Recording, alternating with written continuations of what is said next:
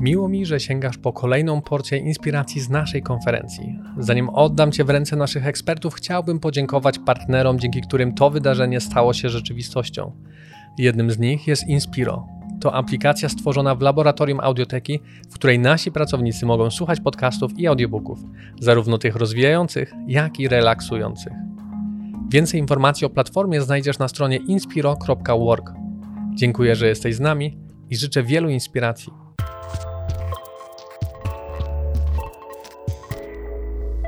Ilekroć myślę o temacie komunikacji, to sobie zawsze myślę, o rany będę wpadać w banał. No bo wiecie, no w zasadzie wszystko na ten temat już chyba powiedziano, wszystko e, wiemy.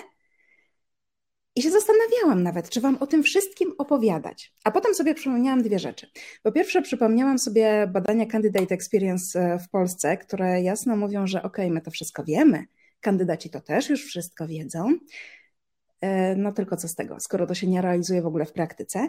A druga sprawa, to mi się przypomniała konsultacja, którą jakiś czas temu prowadziłam dla jednej z firm, e, niech pozostanie anonimowe. E, firma zwróciła się do mnie z prośbą o radę. Dlaczego do nich nie przychodzą kandydaci? Zadali mi takie pytanie, wiecie. Dlaczego jak oni piszą do nich na LinkedInie, to oni w ogóle nawet się nie odzywają, nawet nie, nie piszą cześć, nie dziękuję za ofertę. I przerobiliśmy tam bardzo dużo różnych czynników, sprawdzaliśmy i w końcu ja zadałam to takie bardzo zasadnicze pytanie, no dobra, co wy do nich piszecie? E, I oni e, pokazali mi wiadomość, którą wysyłają z, ze wszystkich praktycznie kont, które należą do tej firmy, różnych pracowników. To jest dokładnie ta sama wiadomość e, i oni robią Ctrl-C, Ctrl-V i wysyłają. I ja mówię, a próbowaliście się zastanowić nad tym, że po drugiej stronie jest człowiek i jakby wy byście weszli w jego buty, to może też nie odpisalibyście na taką wiadomość. I wiecie, to, jest, to brzmi przedziwnie, ale ja w tym momencie widziałam, jak tym ludziom pff, wybuchły mózgi. E, co jest dziwne w XXI wieku, kiedy my już właśnie teoretycznie wszystko sobie na ten temat powiedzieliśmy. Dlatego myślę, że o komunikacji nigdy za wiele i dlatego myślę sobie, że e, jednak Wam trochę poopowiadam. E, będę się częściowo powtarzać, jeżeli chodzi o, o to, co powiem z Magdą Gawłowską-Bujok, dlatego że e, my obie jesteśmy w branży IT i w sumie i część tych badań, które ona przytoczyła, i część tych rozwiązań, o których ona mówiła, dokładnie pokrywają się z tym, co chciałam powiedzieć część myślę, że mogę jeszcze e, Wam jakoś e, inaczej rozwiązać. E, I Komunikacja z kandydatem służy nam do bardzo różnych rzeczy, ale ja bym chciała pójść za, za taką rzeczą, która bardzo się na biznes przekłada, to znaczy, co zrobić, żeby kandydat nam nie nawiał sprzed firmowego ołtarza. Bo tak jak już wiecie, oglądając poprzednie prezentacje, nie jest łatwo na rynku. Na rynku IT to już jest w ogóle kosmos. I trzeba się naprawdę postarać, żeby tego kandydata za chwilę nasza koleżanka Krystyna z HR-ów e, firmy XY nam po prostu sprzed nosa nie sprzątnęła. No i dobra, no to e, zastanówmy się, co się dzieje, dlaczego ci kandydaci nam e, potrafią uciekać. Bo oczywiście komunikacja jest jednym z czynników. Jakie są pozostałe? No na przykład hmm, pieniądze się nie zgadzają albo dostają kandydaci lepszą ofertę pod innymi względami, albo okazuje się, że no dobra, brali udział w naszej rekrutacji, ale nie jesteśmy ich firmą marzeń, albo mamy słabą opinię na GoWorku, to się zdarza. I tam niewiele można z tym zrobić, albo wypadki losowe się przydarzają, albo po prostu bo tak i nie dostajemy e, żadnej informacji, no i pojawia się ta komunikacja. I moim zdaniem ta komunikacja e, jest e, taką kwestią dosyć kluczową, dlatego że ona pozwoliłaby nam uniknąć wielu z tych problemów, które tu wcześniej wymieniłam, wielu z, te, wielu z tych powodów, które tu wcześniej wymieniłam. Bo mm, jeżeli budujemy dobry kontakt z kandydatem, jeżeli się z nim komunikujemy, to może się okaże, że będziemy w stanie być jego firmą marzeń. Może e, nawet jeżeli e, coś się mu u nas nie spodoba, to zamiast e, pójść wyżyć się na go worka, to po prostu nam o tym powie, dzięki czemu poprawimy swój swój proces rekrutacji, a może nam po prostu powie, że za mało mu zaoferowaliśmy i będziemy w stanie zaoferować mu więcej i tak dalej, i tak dalej. E, ta komunikacja, e, jej, jej jakby impact, jej, jej siła oddziaływania jest absolutnie nie do przecenienia. Ja oczywiście Wam będę opowiadać o bardzo konkretnych rzeczach, które można zrobić, ale najpierw zastanowiłabym się, gdzie się ta komunikacja zaczyna z kandydatem. Czy ona się zaczyna w procesie rekrutacji? Moim zdaniem nie. Czy ona się zaczyna, kiedy kandydat czyta ogłoszenie? No nie, właśnie tak jak Agata na czacie pisze wcześniej. E, moim zdaniem e, komunikacja z kandydatem zaczyna się na e, tym takim bardzo ogólnie pojętym etapie PR, czyli tego, co my jako firma, jakie my informacje dajemy o sobie, jacy, jacy, jako jacy, jaka firma my się pokazujemy na przykład na stronie internetowej, w social mediach, jak my komunikujemy inne, poza, poza ogłoszeniowe, poza, poza rekrutacyjne rzeczy, to już bardzo dużo mówi kandydatowi o tym, kim jesteśmy. Ta komunikacja jest na razie w tej chwili jeszcze jednostronna, ale okej, okay, to jest już jakiś początek. I potem przechodzimy do e, etapu ogłoszenia, kiedy kandydat e, trafia na nasze ogłoszenie, bądź wiedząc coś o naszej firmie, bądź nie, i postanawia e, zaaplikować. I potem przechodzimy do komunikacji w procesie rekrutacji. I tak samo jak w przypadku PR-u, ogłoszenie też wiele potrafi powiedzieć o firmie, no co chociażby e, myślę, że e, Magda Gawłowska sporo o tym powiedziała. E, co, co w tej, I zresztą inne prelegentki i prelegenci też wspominali o tym, że to, co znajduje się w ogłoszeniu, jest szalenie, szalenie ważne. E, dlatego że mówi kandydatowi, z kim będzie miał do czynienia. No już to jest oczywiście anegdotyczne, ale jeżeli śmiejemy się z tego młodego, dynamicznego zespołu, który się tak często kiedyś pojawiał e, w ogłoszeniach, no to, to wiecie, to, to już jest bardzo też dla kandydata wyraźny sygnał, że okej, okay, może niekoniecznie mam ochotę z tymi ludźmi pracować. No i potem przechodzimy do tego procesu rekrutacji e, i jak to dokładnie będzie wyglądało, to ja Wam za chwilę opowiem, ale najpierw Najpierw będzie brudny HR-owy sekret, który prawdopodobnie e, dzielimy, jak tu siedzimy, e, wszyscy albo prawie wszyscy, albo w każdym razie większość użytkowników ATS-ów. E, zdarza Wam się zapewne, że dostajecie na ofertę rekrutacyjną, na, na, na, w ramach zgłoszenia w rekrutacji, coś takiego. To jest CV, które ja kiedyś dostałam. To znaczy, dostałam to zamiast CV. To jest autentyk. E, I wiecie, w takich przypadkach, e, takie przypadki się zdarzają. No i co wtedy robimy? No mamy po prostu ustawione automatyczne maile. Mamy to nasze Ctrl-C, Ctrl-V. I okej, okay, wysyłamy automaila pod tytułem no, przepraszamy drogi kandydacie, ale y, twój profil nie jest zgodny z naszymi oczekiwaniami. I spoko. I jakby tego typu oszczędzanie czasu i sił czy automatyczne wysyłanie e, na przykład zadań rekrutacyjnych. OK, w tym nie ma nic złego. Gorzej w momencie, kiedy e, te automaile e, trochę pójdą za daleko, kiedy zapomnimy o tym, że po drugiej stronie siedzi człowiek i kiedy wszystko lecimy z, ze wszystkim lecimy z automatu, robimy właśnie Ctrl-C, Ctrl-V, i zupełnie e, przestajemy się zastanawiać nad tym, jak to może zostać odebrane. I tak jak powiedziałam, żeby nie zwariować. Oczywiście wiadomo, że będą kandydaci, którzy przyślą nam e, CV, które jest po prostu przysłane od czapki, po prostu, bo klikają każdy możliwy przycisk aplikuj, nie wiem, może to już jest jakiś odruch, klikają każdy możliwy przycisk aplikuj i wysyłają CV, które nawet nie ma doświadczenia, w nim nie ma doświadczenia wymaganego na danym stanowisku. Okej, okay, tak bywa. Ale jest też e, rzesza kandydatów, e, których spotyka coś dokładnie odwrotnego. Starają się, wkładają wysiłek, e, po czym, po czym generalnie, przepraszam, się zdekoncentrowałam, patrzę na czat, za chwilę na to odpowiem, po czym dostają tak naprawdę w twarz jakimś banałem, jakimś, jakimś niekonkretną, jakąś niekonkretną informacją. Marku, powiem Ci tak, nie, nie pomylił. Dlatego, że zawsze do e, CV, razem z CV idzie taka króciutka ankieta e, do kandydata, takie dosłownie dwa pytania i w tych dwóch pytaniach dokładnie zawarło się to, co mamy na tym obrazku, więc nie. E, gdy, jeżeli mamy wątpliwości, że ktoś na przykład pomylił załączniki albo, albo właśnie po prostu coś poszło nie tak, to się kontaktujemy. No i właśnie, kontaktujemy się. No i dobra, teraz przechodzimy sobie do, już do mięska, do konkretów, bo czasu mamy trochę mało. Jak? Jak to robić? Jak to robić, żeby się z tym kandydatem kontaktować i, i budować z nim komunikację i żeby to miało e, ręce i nogi? Dobra. Jedziemy. Nie wiem, czy to na przyciski działa. Nie. Dobrze. Słuchajcie, przede wszystkim dajmy się poznać. I tutaj mamy ten, e, to jest e, zarówno etap ogłoszenia, jak i etap ten wcześniejszy, czyli ten etap PR-owy. Pokazujmy, kim my w ogóle jesteśmy. I w ogóle na co ten nieszczęsny człowiek, który do nas aplikuje, się pisze.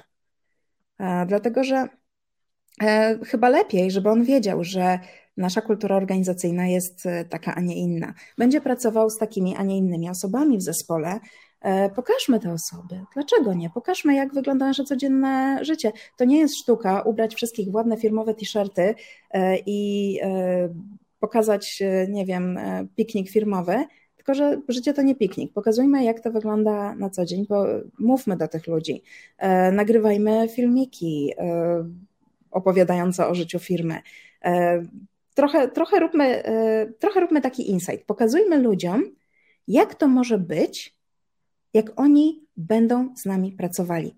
Żeby oni oglądając to, zaczynali czuć się częścią zespołów. Ja wiem, to wszystko brzmi strasznie idealistycznie, bo, e, bo to takie wiadomo sobie mówienie, ale znam sporo przypadków e, takich, w których kandydata do firmy przyciąga to, że on tam bardzo chce pracować, bo on się tą firmą zainteresował. No a jak. Y, y, a, y, Agato, pytasz, w jakim momencie pokazać coś takiego? Ja ci powiem, to jest nasze ogłoszenie rekrutacyjne. Znaczy, my to wrzucamy na, w social media, e, ale można to też, można coś w tym stylu też wrzucać e, nawet w ramach samej e, strony kariera jeżeli, jeżeli chcemy coś takiego pokazywać. To jest akurat. E, to jest akurat e, przykład posta rekrutacyjnego z naszej firmy. E, w ten sposób chcemy komunikować, czego ten kandydat się może spodziewać. Wszystkie wartości na jednym obrazku, tak naprawdę, wiecie. Nie ma rekrutacji bez kotów i laserów. No ale dobra, jakby idąc dalej, bo zbaczamy z tematu. E, cały czas jesteśmy gdzieś na tych e, początkowych etapach, dajemy się poznać, bądźmy szczerzy. To też padło tutaj już nie po raz pierwszy, że e, kandydaci oczekują, że będziemy przedstawiać im rzetelnie warunki pracy.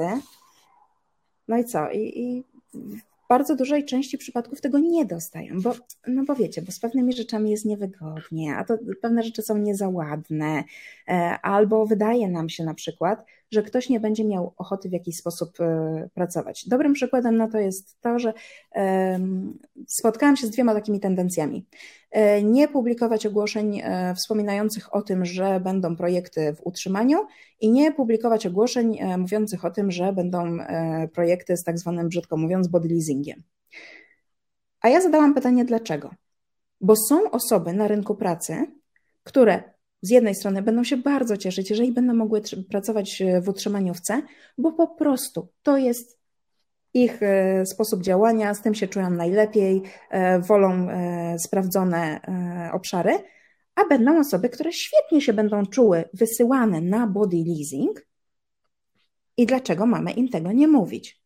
Bądźmy szczerzy, mówmy jak jest, pokazujmy to życie firmowe, dlatego że wiecie, to jest też jeszcze kwestia pewnego efektu e, jeszcze większego rozczarowania. W momencie, kiedy kandydat do nas przyjdzie, zachęcony tymi tęczami, jednorożcami e, i tą całą cudownością, którą mu roztoczymy w ogłoszeniach i w trakcie rekrutacji, i zobaczy, że to się kompletnie nie zgadza z rzeczywistością, no to jaka będzie jego reakcja?